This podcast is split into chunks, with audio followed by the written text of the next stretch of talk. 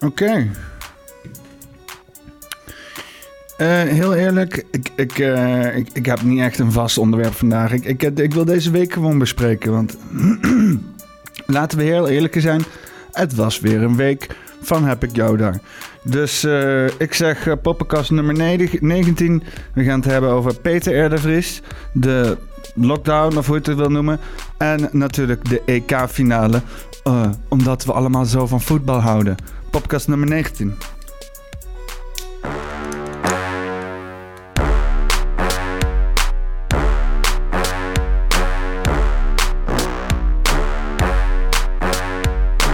Heel eerlijk, ik, ik, uh, ik, ik, ik moet wel wat kwijt over, uh, over Peter R. de Vries.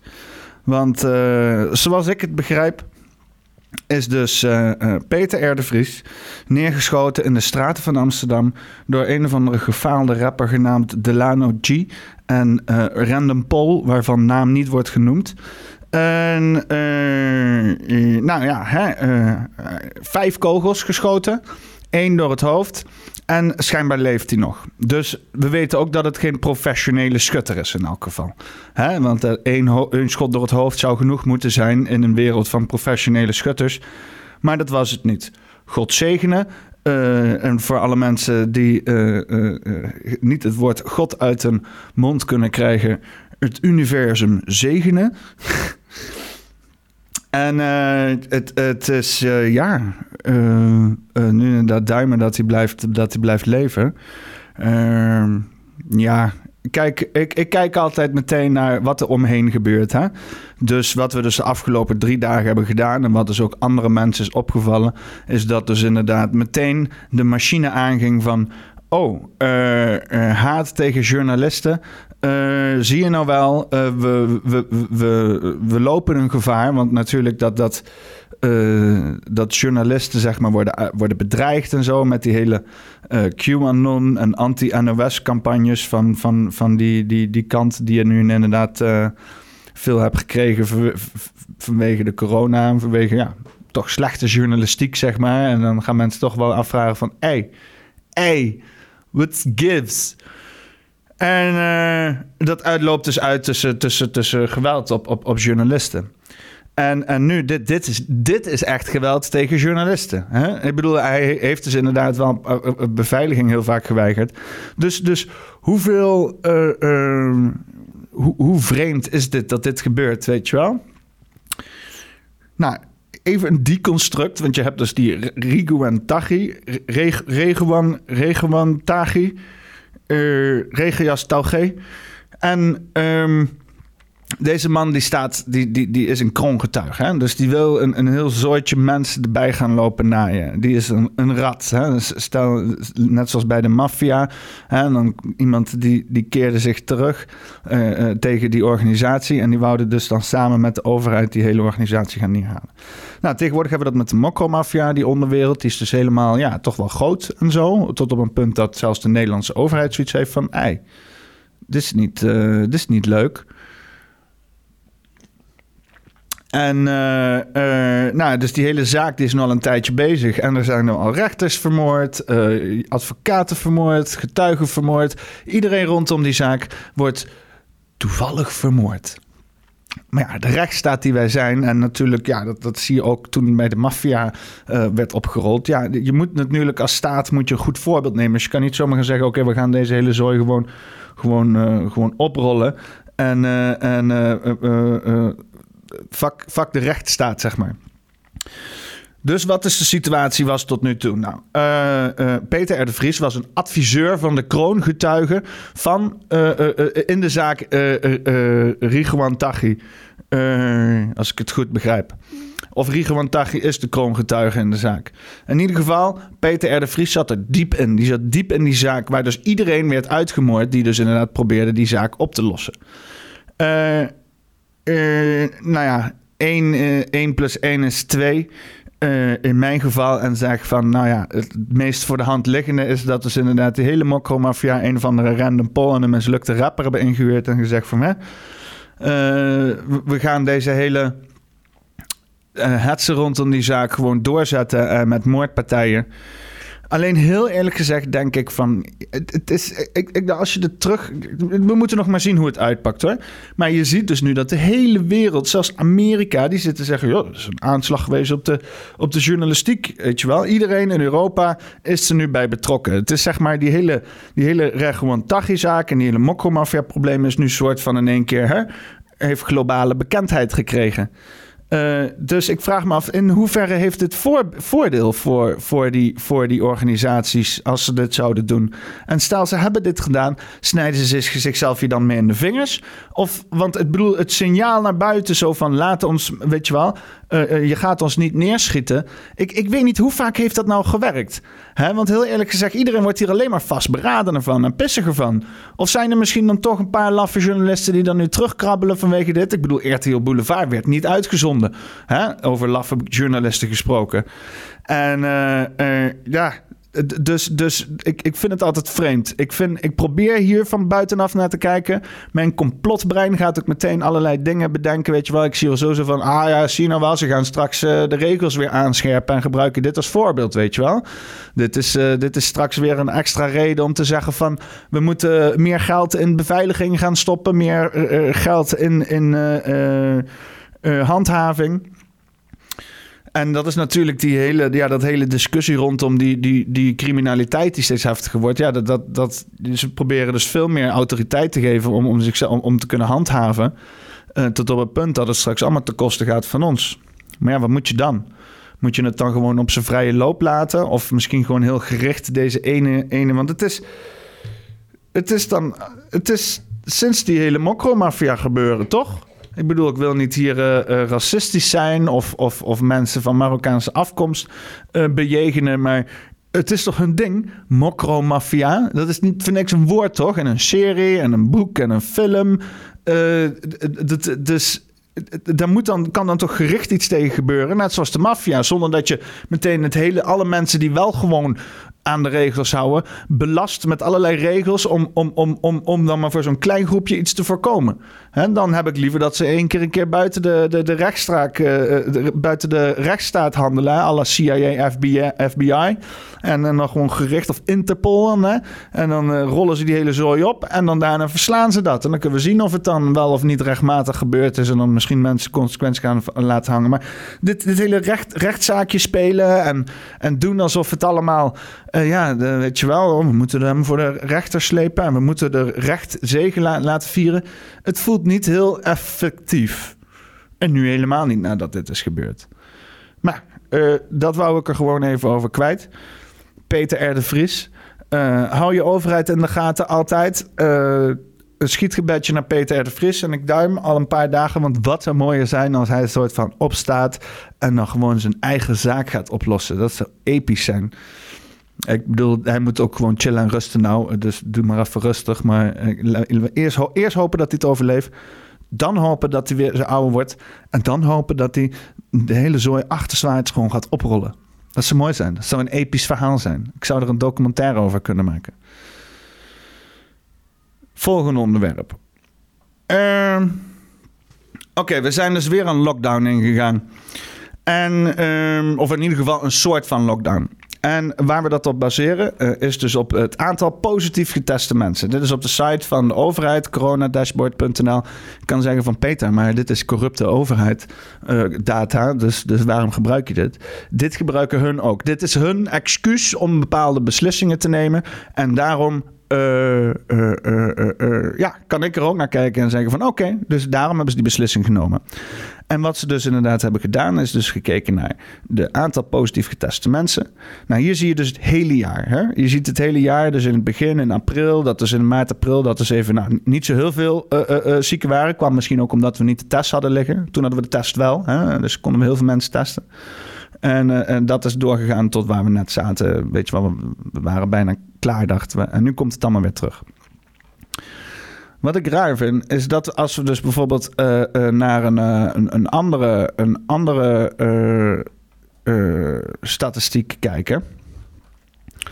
Dat we dus gaan kijken naar bijvoorbeeld wat in mijn idee iets objectiever is. Hè? Want wat het is, mensen die gaan testen denken ook dat ze ziek zijn.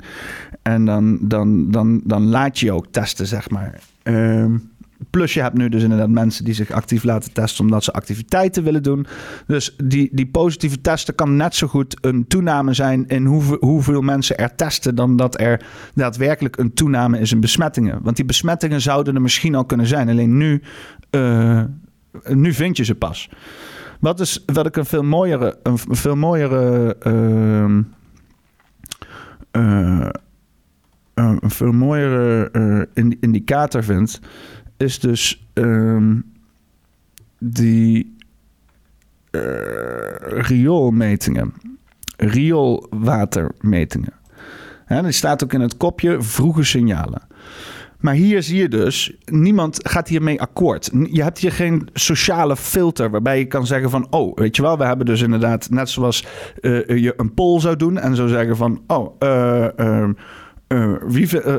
vind je het leuk om polls in te voeren? Nou, dan is 100% van die poll waarschijnlijk ja. Hè? Als je niet leuk vindt, dan doe je het niet. Of je moet net op een plek zijn waar mensen expres dingen doen die ze niet leuk vinden. Maar dit is zeg maar een soort van uh, een bias, een, een, een, een, een verkeerde analyse van een situatie. En ik heb het idee dat dat gaande is met die positieve test. Want voor de rest, hè, dit, als we dus kijken naar, naar de laatste vijf weken van de rioolwatermetingen, er is niet zo'n heftige stijging als dat je ziet bij die metingen van de positieve testen.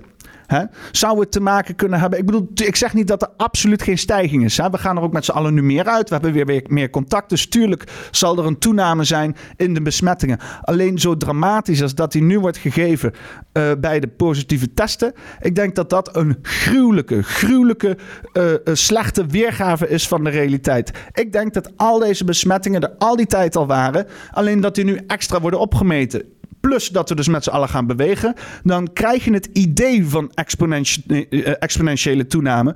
Maar dat is er helemaal niet. Deze minister van Volksgezondheid, die duidelijk geen minister is van statistiek, die zit naar zo'n statistiekje te kijken en die laat zichzelf helemaal verkopen. Die denkt, oh, daar gaan we weer. Hè? Maar er is niks aan de hand. Wat mij betreft. En dat is alleen als je kijkt naar ook alle andere uh, indicaties, alle andere statistieken. Rioolwatermeting, niks. Sterfte, niks. Um, uh, uh, intensive care opname.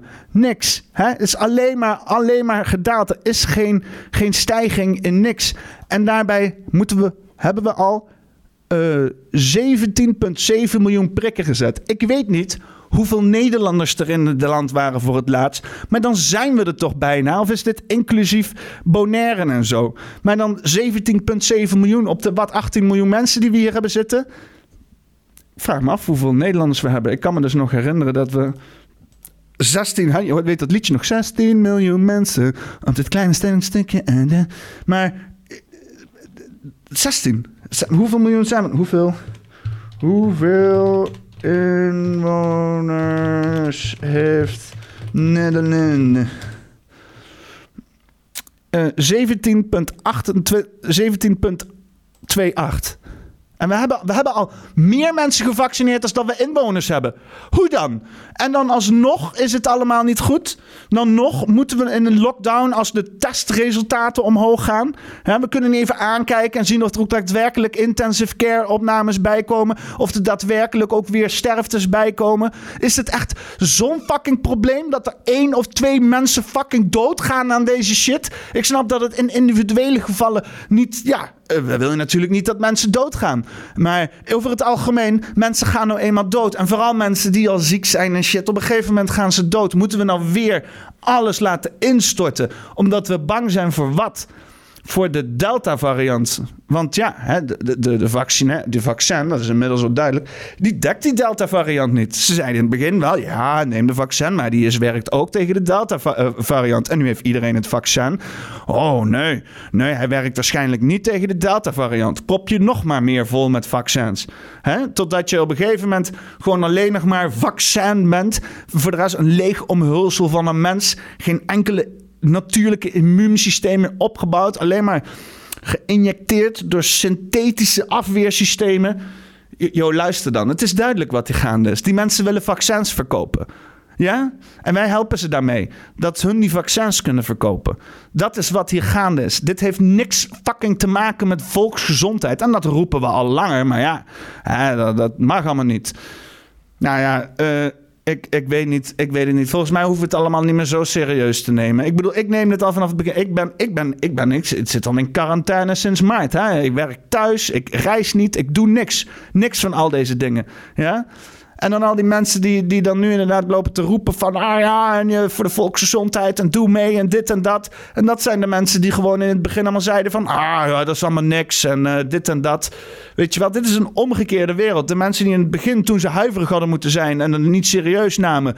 die uh, uh, zijn nu in één keer helemaal verkocht... door wat de overheid hun verteld heeft... en niet meer in staat om zelfstandig na te denken. En de mensen die in het begin huiverig waren... omdat ze zelf, net zoals iedereen, zoiets hadden van... hoe, even kijken wat hier gebeurt gebeurt. Die zijn nu geïnformeerd en zijn rationeel, maar hebben dus helemaal niks meer aan dat hele overheidsverhaal. Want het is alleen maar onzin. Het is alleen maar pure kots. Het is niet anders dan normaal, maar het valt nu wel heel erg op.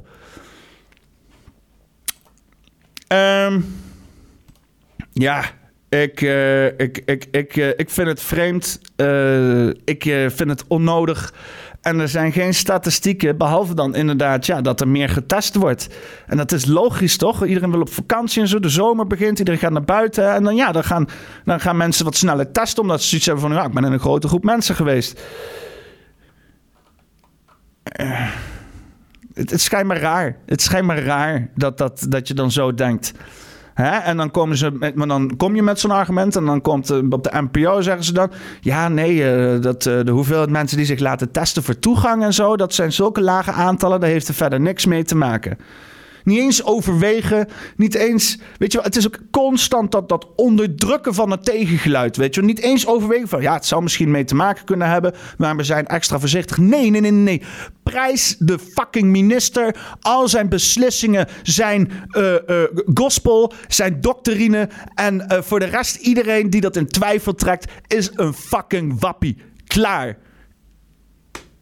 Schut, jongen. Schut, jongen. Worldwide wappies. Ik, uh, ik, ik trek dit niet meer. Ik kan er niet meer. Ik kan, ik kan er gewoon niet meer serieus naar kijken. Ik kan het niet meer zien, die persconferenties, en dan denken: oh, oh, misschien heeft hij wel een punt. Want dat had ik in de eerste paar maanden. Dacht ik van, oh, dat klinkt logisch. Dus ik snap dat er een pad is genomen. Maar op een gegeven moment zie je toch ook dat je achterlijke shit aan het doen bent. Als je fucking aan het zwemmen bent en jij komt op het strand op het land. En jij gaat alleen maar doorzwemmen als een spartelende vis op het water. En zeggen, ja, nee, dit is ook hoe ik hier ben gekomen. Dus nu moet ik gewoon doorzwemmen. Wat ben je dan voor fucking achterlijke idioot? Sta eens op, gebruik je benen. Geef toe dat de tijd van zwemmen voorbij is. En ophouden met die achterlijke maatregelen.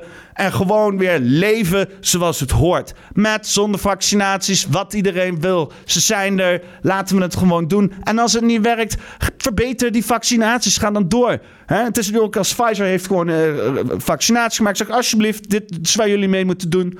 Geen Pfizer 2, 2.0 of niks. Gewoon hier. Uh, dit is ons recept. Betaal ons ervoor. En nu zijn we rijk. Gefeliciteerd farmaceutische industrie. Jullie zijn nog kotsmisselijker geworden als dat ik dacht dat jullie konden worden in het afgelopen anderhalf jaar. Ja, en dan uh, laatste onderwerpje. Uh, het EK.